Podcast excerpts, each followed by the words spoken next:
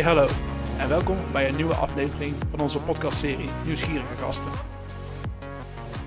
Vandaag zit ik met, uh, met Kai Morel. Kai Morel is een, uh, een auteur op het gebied van de betekeniseconomie. Hij heeft een aantal boeken geschreven. Uh, is een lector bij de Avans in, in Breda. Welkom Kai. Dankjewel, dankjewel Thijs. Kijk, ik heb al, al heel, heel kort aangestipt wat je allemaal doet. We, we hadden het er net ook al kort over. Ja, je hebt enorm veel pet op, uh, op, op dit thema. Um, zou je jezelf kort willen voorstellen? Ja, nou, Kai Morel. Um, ik noem mezelf graag aanjager van de betekeniseconomie. Um, ik ben uh, vanaf 2010 met verschillende eigen bedrijven actief op dit terrein. Rondom het nadenken over identiteit van je bedrijf en de betekenis van je bedrijf. Ik doe dat nu vanuit zaak van betekenis werk één dag in de week bij een zorginstelling, zorg op Sint Maarten, in het oosten van het land, als identiteitsmarketeer, om ook daar met hen in de praktijk dat, uh, dat te doen. Mm -hmm. uh, heb vorig jaar met vier andere ondernemers de Stichting Betekenis Economie in Twente opgericht. En ben sinds uh, 1 september dit jaar uh, inderdaad lector nieuwe marketing bij Avans. Je zegt identiteitsmarketing. ja. kan je dat kort toelichten? Ja, dat, dat gaat eigenlijk over de vraag Um, wat wil je als organisatie betekenen? Wat is je werkelijke bestaansrecht? Organisaties bestaan nooit voor zichzelf, maar altijd voor anderen. Um, maar dat wordt vaak heel plat ingevuld. Wat betekent ik voor mijn klant? Nou, vanuit identiteit denk je ook na, ja, ik heb meer te doen dan alleen er voor mijn klanten zijn. Ik ben er voor de samenleving. En daar denk je over na en je besluit wat je daarmee wil. En als je dat goed weet, dan ga je vervolgens nadenken over hoe je jezelf in de markt wil zetten. Dus het is niet zozeer op zoek naar het gat in de markt, maar veel meer naar je eigen identiteit, ja. uh, wat je zelf belangrijk vindt en dat uh, vermarkten. En hoe past dat in jouw beeld bij, uh, bij, de, bij de betekeniseconomie? Um, ja, dat is dezelfde vraag naar mijn idee. Als je begint bij de vraag wat wil ik betekenen als persoon en als organisatie voor anderen, wat zijn de dingen waar ik me echt druk over maak en hoe kan ik met mijn organisatie daar een bijdrage aan leveren, dan ben je vanuit je identiteit aan het werken. Ja.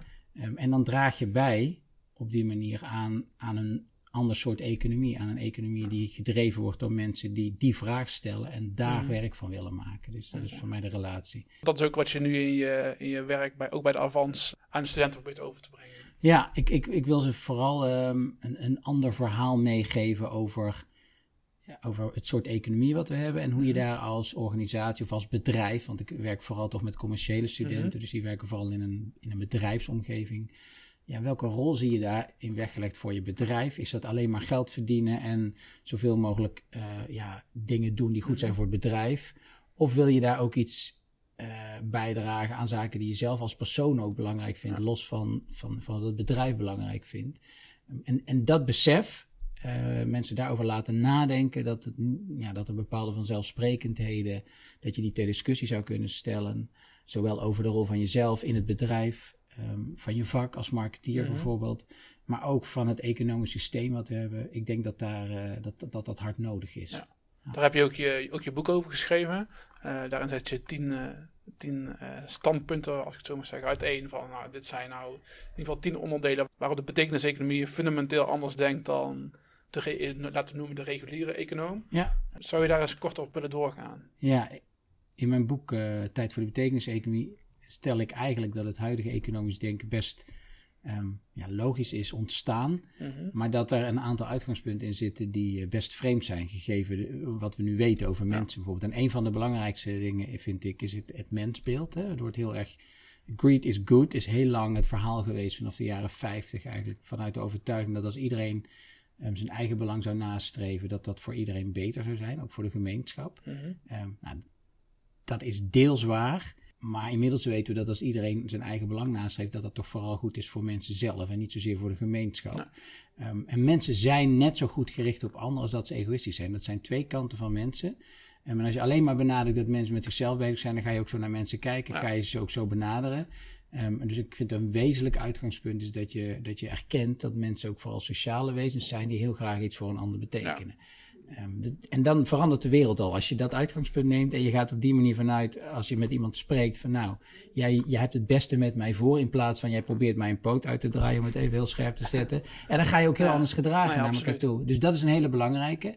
Um, een andere is dat, dat economen eigenlijk altijd gezegd hebben, joh, vragen over wat is goed en wat is, is, is niet goed, wat vinden we wenselijk of niet. De zogenaamde ethische vragen, daar bemoeien wij ons niet mee als Mhm. economen. Dat is het gebied van filosofen of sociologen, maar in ieder geval niet van economen. Ja. Ehm, dus zeggen ze eigenlijk, nou, wat goed is en wat niet goed, dat bepaalt de markt, het economisch systeem. Wat mensen willen kopen, waar ze geld voor over hebben, dat bepaalt wat goed is. En dan krijg je dus rare dingen. En ik vind het een mooi voorbeeld eh, wat ik van, eh, uit het boek van Michael Sandel heb gehaald. Is, het is economisch gezien is het net zo interessant om op een walrus te gaan jagen op de Noordpool. Hè, want dat, dat, dat, dat, is iets van, levert iets van 8000 dollar op, of kost dat. Ehm, en voor datzelfde bedrag kun je ook een kind een jaar lang naar school sturen. Dus economisch gezien maakt het niet uit. Nou, en wij als samenleving denk ik dat, het, dat wij zeggen, nou, misschien is het verstandiger en beter, zullen veel mensen denken, om een kind een jaar lang naar school te sturen dan op een walrus te gaan jagen. Ja, dat, soort, dat soort rare dingen krijg je als je dus de markt laat bepalen wat goed is en wat niet goed is. Nou, dat is natuurlijk een genuanceerd verhaal, want op heel veel vlakken werkt het prima en verdeelt de markt op die manier goederen en, en gaat het best oké. Maar er zijn steeds meer gebieden waarop het helemaal niet goed blijkt te werken. Eh, ook Daar- omdat kan je er daar veel... een voorbeeld van geven? Ehm, nou ja, ik, ik denk dat we die allemaal wel ervaren. De, gro- de grote ongelijkheid en de grote. eh, eh, er zijn veel groepen die gewoon geen toegang hebben tot bepaalde goederen of bepaalde middelen, omdat ze te duur zijn geworden, omdat ze zelf te weinig inkomen hebben. En dat is ook een gevolg van die marktwerking. En dat is vooral ook een gevolg van het feit dat wat zogenaamd een vrije markt is, in de praktijk helemaal niet vrij is. Omdat er, nou het, grote voorbeeld, hè, ehm, misschien een beetje flauw, maar tegelijkertijd wel heel sprekend. Er zijn organisaties in onze samenleving, neem de banken, die kunnen niet failliet gaan omdat dan, het, he- omdat dan de hele samenleving instort. In een vrije markt is dat ondenkbaar. Een vrije markt is juist het idee dat als jij niet goed doet, als jij failliet gaat, dan is dat een teken, de markt corrigeert jou, omdat jij de zaken niet goed voor elkaar hebt. Nou, we hebben dat meegemaakt. Wat is er gebeurd? De samenleving, dus wij als burgers, hebben die markt overeind mogen houden. Dus daar zie je dat, dat onder het mom van de vrije markt, dat er in ieder geval een hele sector is, en er zijn er meer, die hun eigen principes in feite niet werken volgens hun eigen principes, omdat zij, omdat zij niet failliet kunnen gaan. Ja. En dat, is, dat zijn rare dingen. Dat zijn, dat zijn fouten, weeffouten in het systeem. En ja, daarbij is eigenlijk de, de, de, de conclusie: de markt is wel vrij, maar voor de ene is die een stuk minder vrij dan voor de ander. Ja. Hij is vooral vrij voor degenen die daar, eh, eh, die daar het meest aan hebben en die daar zelf rijk van worden of baat bij hebben. Voor anderen is die helemaal niet zo vrij. Ja. En dat zijn, dat zijn denk ik eh, eh, toch het is wel goed om je te realiseren dat zo'n term wel leuk klinkt, maar dat die in de praktijk een stuk genuanceerder is en, en ook feitelijk helemaal niet aan de orde is vaak.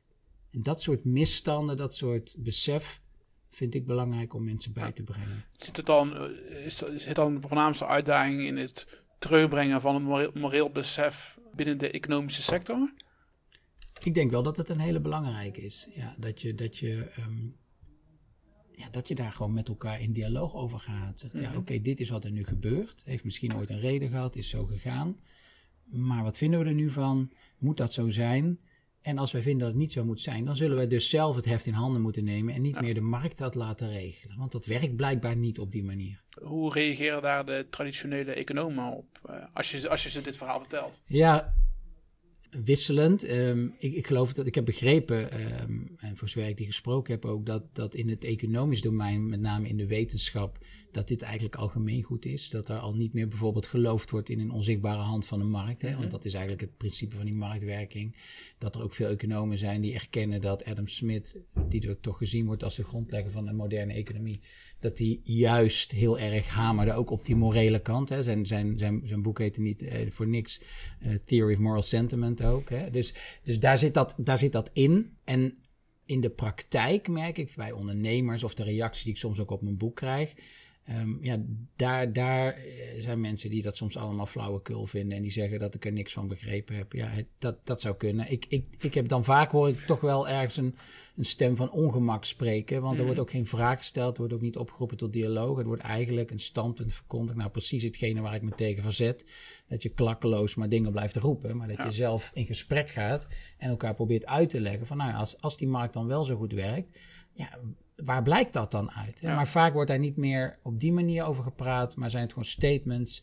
Ehm, en degene die eh, iets anders zeggen, die hebben het niet begrepen. Ja, en daar ben ik niet zo voor. Dat, dat vind ik niet zo eh, constructief. passend. Niet zo Nee. constructief. Ook dat leidt niet echt tot meer begrip of tot, eh, tot verbetering. Dat leidt eigenlijk alleen maar tot mensen die tegenover elkaar komen te staan. Ik denk dat daar voor onderwijs bijvoorbeeld een belangrijke rol uh, is, is, is weggelegd. Dat is ook een van de redenen dat ik toch weer uh, ja, ook me aan het onderwijs verbonden heb. Um, ik denk dat wij onder andere, en dat heeft nog niet zoveel met economie of welk onderwerp dan ook te maken, maar dat wij jonge mensen moeten leren om een dialoog te voeren in plaats van een discussie. We hebben het altijd over hè, jonge kinderen, of zelfs op de basisschool krijgen ze al soms debatlessen. En een debat, dat win je. Ja. Dat gaat niet om, begrijp ik jou beter, maar dat gaat erom, krijg ik gelijk? Terwijl ik denk dat het belangrijk is dat je elkaar beter probeert te begrijpen. En niet zozeer probeert te overtuigen van je gelijk. Um, en in de praktijk uh, merk ik dat. Dat doe ik door mensen ook te leren vragen te stellen. Dus waar mensen dingen verkondigen, um, bijvoorbeeld in sessies, uh, stel elkaar eens vragen. En dat blijken mensen gigantisch moeilijk te vinden. Dat zijn natuurlijk grote dingen, maar eigenlijk ook weer heel klein. Want iedereen kan er wat mee als je dat zou willen. Je kunt daar meteen mee beginnen, vandaag nog als je zou willen. Om jezelf eens de vraag te stellen, welke vragen stel ik zelf eigenlijk? Um, en dat is ook een van de zaken als identiteitsmarkt is. Een van de grote vaardigheden die je oefent en, en waar je ook gebruik van maakt. Ja, in feite doe je vaak niet zoveel meer dan, dan vragen stellen omdat je echt wil begrijpen wat die ander beweegt, wat, die, wat hem drijft. Omdat je dat wil uitvergroten. En omdat je ervan overtuigd bent dat er in elk mens iets zit. Ja. Uh, van ja, ik wil iets betekenen voor anderen. Nou, dat wil je eruit halen, dat wil je groter maken. En dan krijg je dus een samenleving waarin mensen veel bewuster bezig zijn met elkaar en wat minder met zichzelf.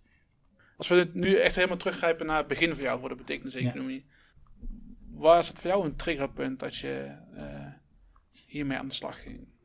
Dat is voor mij geweest eigenlijk aan het einde van mijn uh, universitaire loopbaan, om het zo te zeggen. Dat is in 2007 heeft dat uiteindelijk zijn gestalte gekregen. Maar ik kwam erachter dat ik de laatste jaren, eh, ik werkte toen in Delft aan de universiteit, en dat ik bijna elk jaar met de vraag kwam: wat doet het echt toe wat ik hier aan het doen ben? En dat klinkt misschien gek, want ik was met studenten bezig, ik was hier aan het opleiden, ik was onderzoek aan het doen, ik was artikelen aan het schrijven en kennis aan het vergaren. Dus dat lijkt allemaal heel nuttig en, en belangrijk. Maar ik vond dat dus te weinig echt toe doen. Ehm, en en, en nou, die vraag bleef terugkomen. En na de vierde of vijfde keer dacht ik, ja, hier zit iets, dit moet ik onderzoeken. En toen heb ik de kans gekregen om, uh, om een coachingstraject te doen. En toen kwam ik er dus achter, ja, wat ik hier aan doen maar dat doet er voor mij te weinig toe. Ja. Nou ja, wat doet er dan wel toe? Ja, dat wist ik op dat moment niet. En dus dan, dat is best even spannend. Want ja, denk, ja, wat, ga ik, wat ga ik dan nu doen? Maar het eerste besluit was dat ik wist van wat ik nu doe, ik vond het best leuk en het ging ook best goed. Dat is niet wat ik wil blijven doen. En dan kun je verder. Je moet eerst dat besluit dat nemen. Dat heel wat.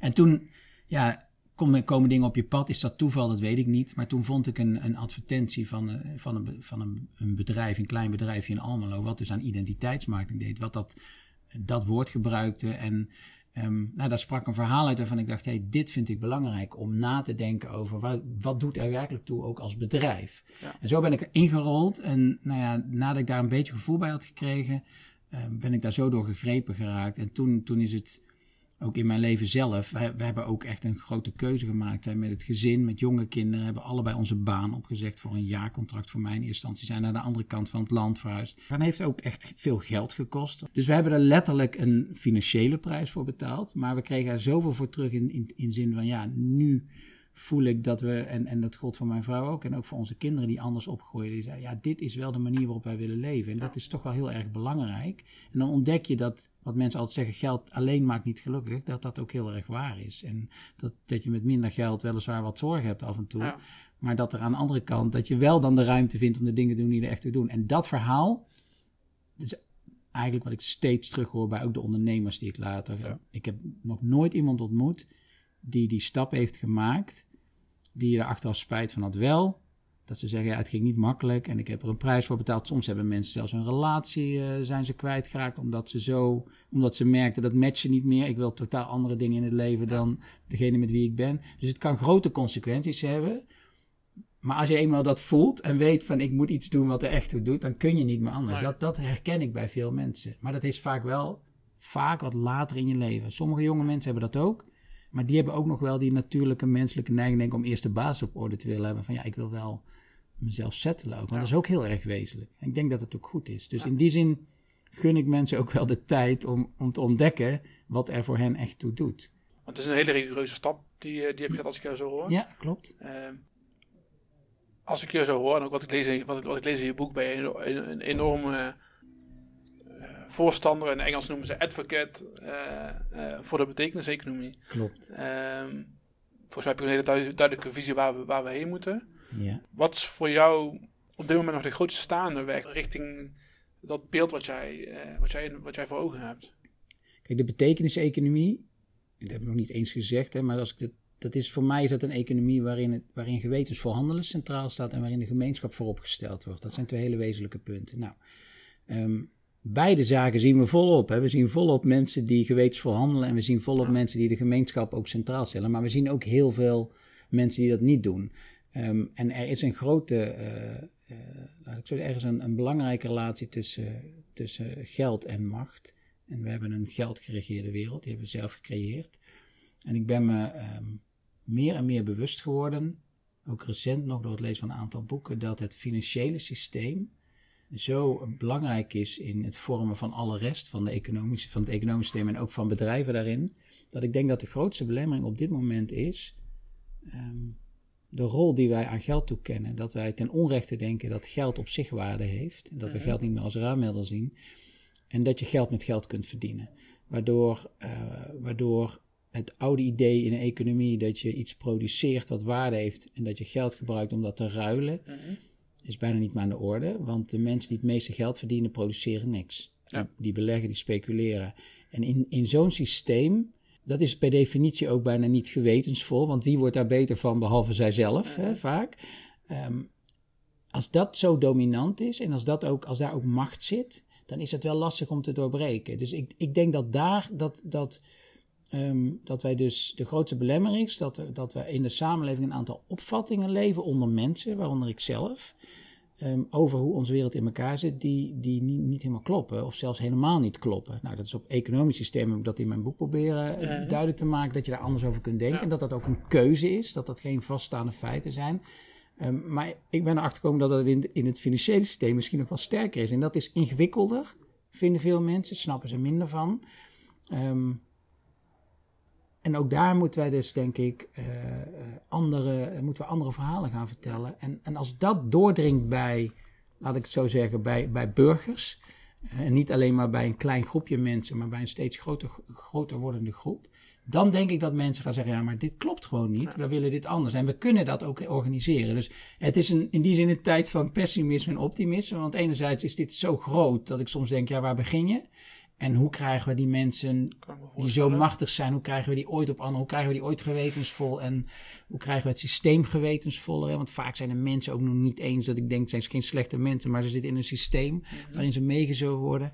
En anderzijds is het heel optimistisch, want je ziet dat mensen het heft in handen nemen. Je ziet dat mensen coöperaties starten, dingen zelf gaan regelen, maar je ziet ook nu met de gele hesjes, ehm, is voorspeld door veel mensen, het lijkt mij ook een teken van onrust, van er deugt iets niet, van ongelijkheid die mensen ervaren. En de ene keer is het genuanceerder dan de andere. Dus ja, we zitten, naar mijn idee, echt op een punt dat er nog een grotere groep mensen moet komen die en eh, bewust zijn van wat er werkelijk gebeurt.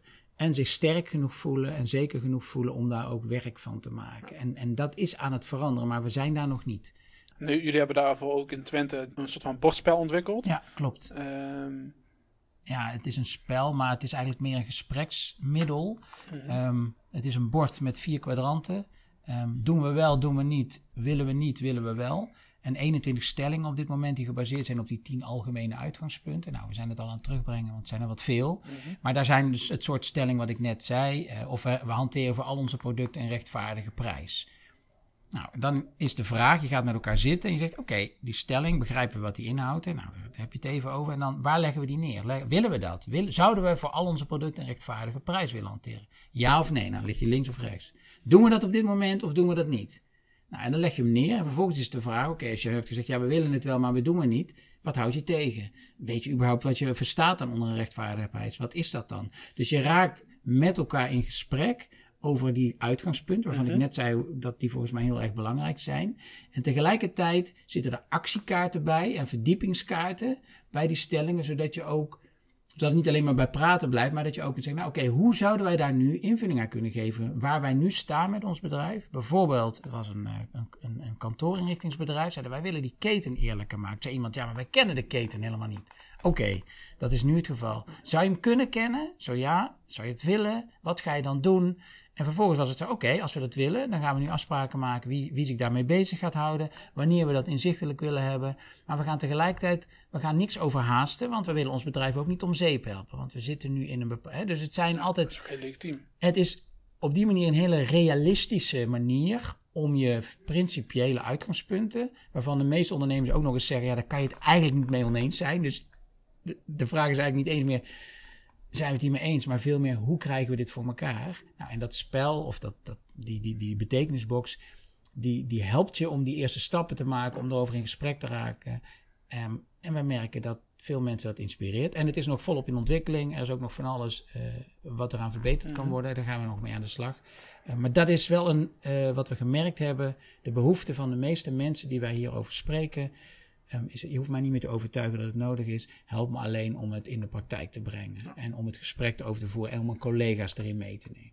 Want veel mensen hebben nog het idee dat zij ze roepen in de woestijn zijn. Maar dan gaan ze erover aan de slag. Oh, dan gaan ze, en dan en ontdekken ze, we zijn al met heel veel eigenlijk. En dat vind ik ook zoiets moois. Mensen hebben vaak niet in de gaten hoeveel mensen eigenlijk al met die betekenis-economie bezig zijn. Ja. Dat is ook de vraag die wel bij me oppopte. Hoe nieuw is, is het nog? Ja, hoe nieuw is, is, is überhaupt iets? Hè? Want uh, heel vaak hoor je dat de principes van de flower power... Heel veel mensen in die in die tijd zijn opgegroeid herkennen zich heel erg in, in het idealisme en in de vragen die we stellen. Ik denk dat het ook vragen van alle tijden zijn.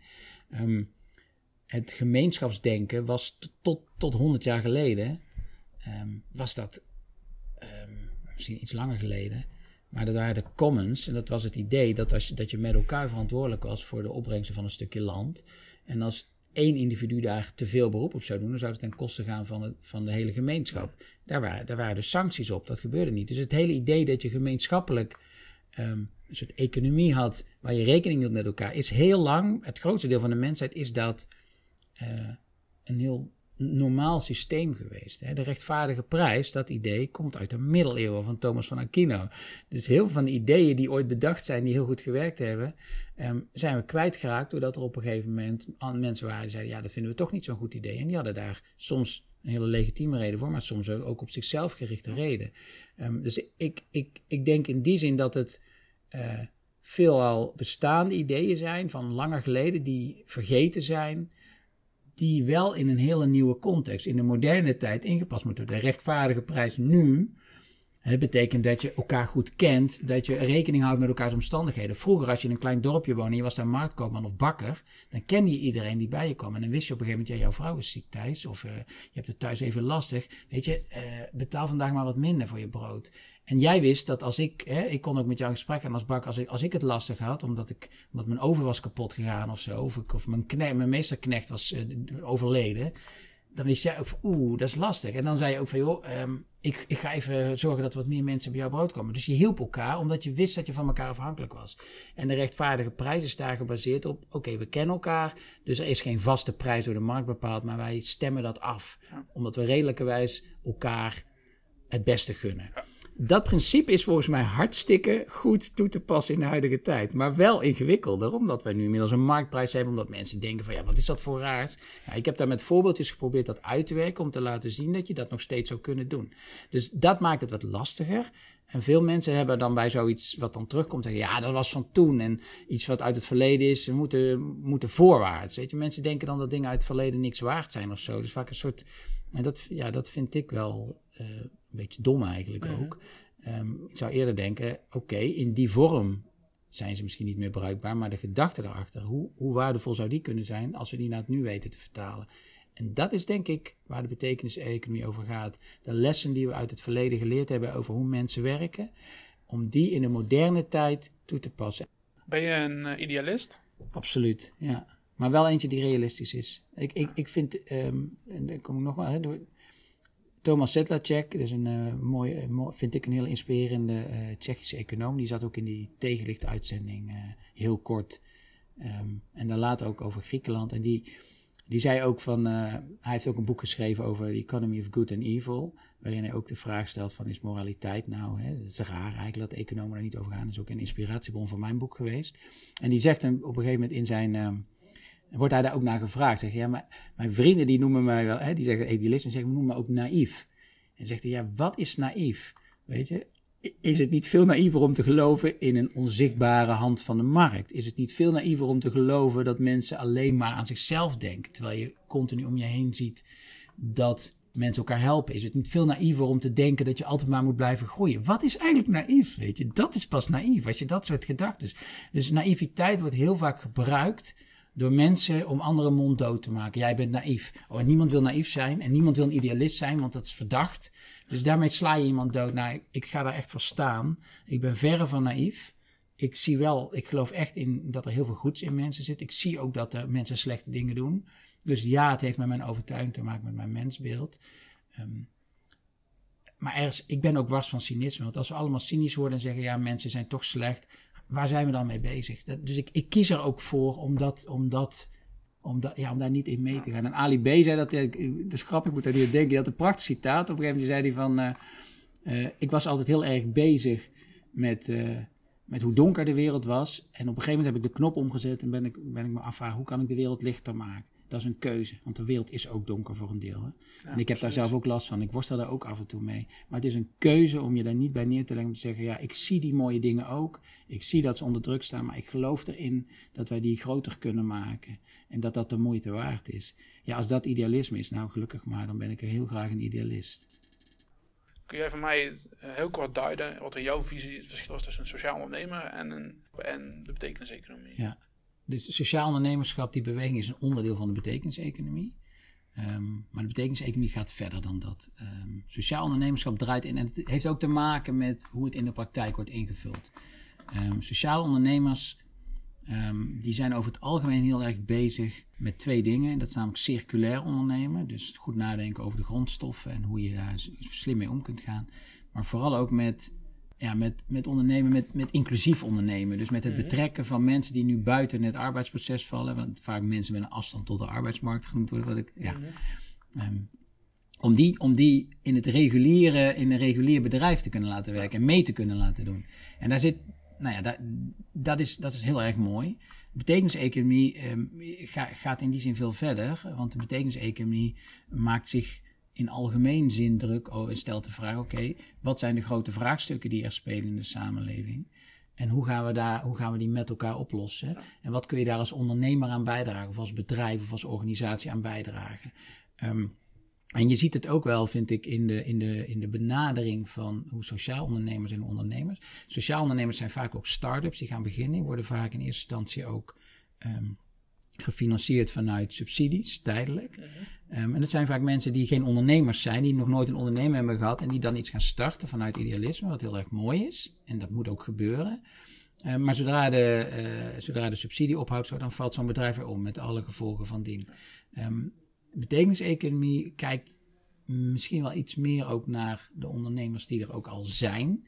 En stelt hen de vraag van, joh, hoe kun je betekenisvoller worden? Dus niet in één keer moet je helemaal om van nou, moet je in één keer uh, zoveel mensen met afstand tot de arbeidsmarkt en Nee, het, het, zit op veel, het zit op al die domeinen, het zit op die uitgangspunten. Dus het, het is, um, naar mijn idee is het, is het uh, ja, een inclusievere beweging. Want sociaal ondernemerschap, dat zie je nu ook een beetje in de discussie. Je bent het wel mhm. of je bent het niet. Ja, hè? Absoluut. En, en ik, ik vind dat dat leidt een beetje tot een soort, bijna tot een soort van je, je deugt of je deugt niet. En ik vind dat niet zo'n constructieve uh, aanvliegroute. Dus ik ben helemaal voor sociaal ondernemen.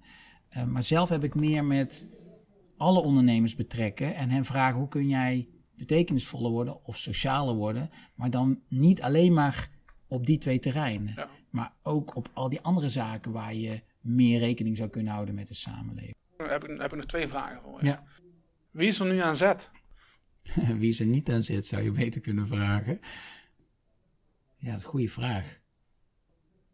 Zit het, uh, is betekeniseconomie, is dat primair iets van, van ondernemers? Zit, of ligt daar ook voor overheden of eventueel ook voor, voor consumenten, burgers? Nou ja, uiteindelijk, ik heb mezelf altijd gericht op organisaties. Dus niet zozeer op ondernemers, maar op organisaties. Omdat daar groepen mensen bij elkaar komen die zich verbinden. En mhm. ik geloof dat mensen die samenwerken meer voor elkaar kunnen krijgen dan mensen die dat alleen doen. Um, maar een burgerinitiatief, een burgercoöperatie, is natuurlijk ook een organisatie in die zin. Hè? Dus heb je het dan over burgers of over een bedrijf of een organisatie. Mhm. dus, maar groepen mensen Ehm, die zich verenigen vanuit een bepaalde idee over ik wil wat veranderen. Daar zit volgens mij de sleutel. En of dat nou een formeel bedrijf is, of een vrijwilligersorganisatie, of een burgerinitiatief, dat maakt niet zoveel uit. Maar het zal lokaal moeten zijn. Het zal moeten gaan over mensen die iets willen oplossen wat voor hen zelf ook relevant is, waar ze ook iets van merken. Dat werkt het meest krachtig. Mhm. Ehm, en dat moet gesteund worden en volop gestimuleerd worden door een overheid. En dat mag vooral ook niet tegengewerkt worden door, door, ja, door anderen. Hè? Door, nou, en, en dan met name, ehm, wat ik eerder zei, uh, ja, waar het geld zit en waar de macht zit. Daar zitten toch wel echt partijen die hier niet zoveel mee hebben. Um, die zullen, die zullen niet geneigd zijn om snel deze kant op te bewegen. Dat denk ik echt. Um, en die zullen dus in die zin uh, geen keus meer moeten hebben op een gegeven moment. En dat is uiteindelijk is de macht dus aan de burgers, mhm. die zich verenigen, ofwel als burgers ofwel via bedrijven, denk ik. Die kunnen bepalen. Politiek volgt meestal, faciliteert. Um, dus ik zou toch zeggen dat wij, zoals we hier zitten, wij als mensen, dat je iedereen zich afvraagt van, oké, Ehm, ik stop met denken dat ik ergens niks aan kan doen. Want dat is niet zo. Ik kan mhm. misschien, ik heb dat gevoel misschien, maar het blijkt, feitelijk blijkt het gewoon niet te zijn. Want mensen doen de hele tijd dingen, krijgen van alles voor elkaar. Het begint altijd bij, bij mensen die, die besluiten om iets te willen gaan doen, zich verenigen. Dus stop met te denken dat je niks kunt doen. Stop met, uh, met, met, uh, met, met, je, ja, met ook je verantwoordelijkheid ontlopen daarin. Je, je, je kunt als je in deze wereld wil leven en het goed wil hebben, dan moet je daar zelf ook je moeite voor doen. Het is geen vanzelfsprekendheid, het is geen recht wat je hebt. Um, dus doe wat jij kunt en zoek naar manieren om jouw directe omgeving positief te beïnvloeden. Um, en tegelijkertijd verdiep je in hoe het systeem werkt. Um, blijf niet onwetend. ontwikkel jezelf daarin. En, en als wij maar met genoeg zijn die iets niet meer pikken, ja, dan krijgen wij het voor elkaar. Dat heeft de geschiedenis ook uitgewezen. Het zal nog wel uh, even duren. Um, maar ik denk dat we al een heel eind op weg zijn. Ik denk dat er erg veel mensen zijn die zich hier intuïtief in ieder geval toe aangetrokken voelen. Als, uh, als slotvraag. Um, we nemen jouw verhaal natuurlijk mee in onze, in onze koffer. Uh, in de ontdekking van de betekeniseconomie in Brabant. Ja. Um, maar wie zou jij nog graag aan het woord willen laten in deze, in deze serie? Misschien iemand als Lex Hoogduin, hoogleraar economie in, uh, in Groningen. Die heb ik, daar, heb ik, daar heb ik mijn boek aan laten lezen en die was het er fundamenteel mee oneens. En daar heb ik een heel interessant gesprek mee gehad. En die heeft me ook over bepaalde dingen ook echt heel erg weer opnieuw laten denken. Ik zou zijn visie wel interessant vinden op dit verhaal. Hij zei letterlijk, het is helemaal niks nieuws. Het is gewoon een vrije markteconomie, of een liberale economie die jij beschrijft. Um, en dat zijn interessante stellingen. ik, ik weet niet zeker of dat zo is. Ik heb het gevoel van niet. Maar ik heb nog niet, dus uh, we, hebben, we hebben een gesprek uh, gepland hoor. Eh, dat, gaat, heeft hij ook aangegeven dat hij daar graag nog, uh, maar ik had het gevoel, ik ben daar nog niet klaar voor. Ja. Maar dat is interessant, om, om ook die andere kant aan het woord te laten, maar dan wel uh, genuanceerd. Uh, met, probeer dingen dan ook uit te leggen. Probeer dan aan de hand van concrete dingen, concrete voorbeelden van hoe kijk je daar dan naar? Hoe, hoe zou je dit duiden vanuit jouw perspectief? Je zou juist die dingen moeten opzoeken, die spanningen ook daar moeten opzoeken. Maar wel vanuit we willen elkaar begrijpen en niet we willen gelijk hebben, want dat, dat is niet zo zinvol, denk ik. Nee, dus gaan we echt, gaan we ook weer terug, terug helemaal naar het begin. Uh, op zoek naar een naar een dialoog in plaats van een, dan de discussie. Zou ik ook, ja, ja, ja. Ja, Thijs, ja. Nou, dankjewel uh, voor je tijd. Graag gedaan, maar jullie bedankt.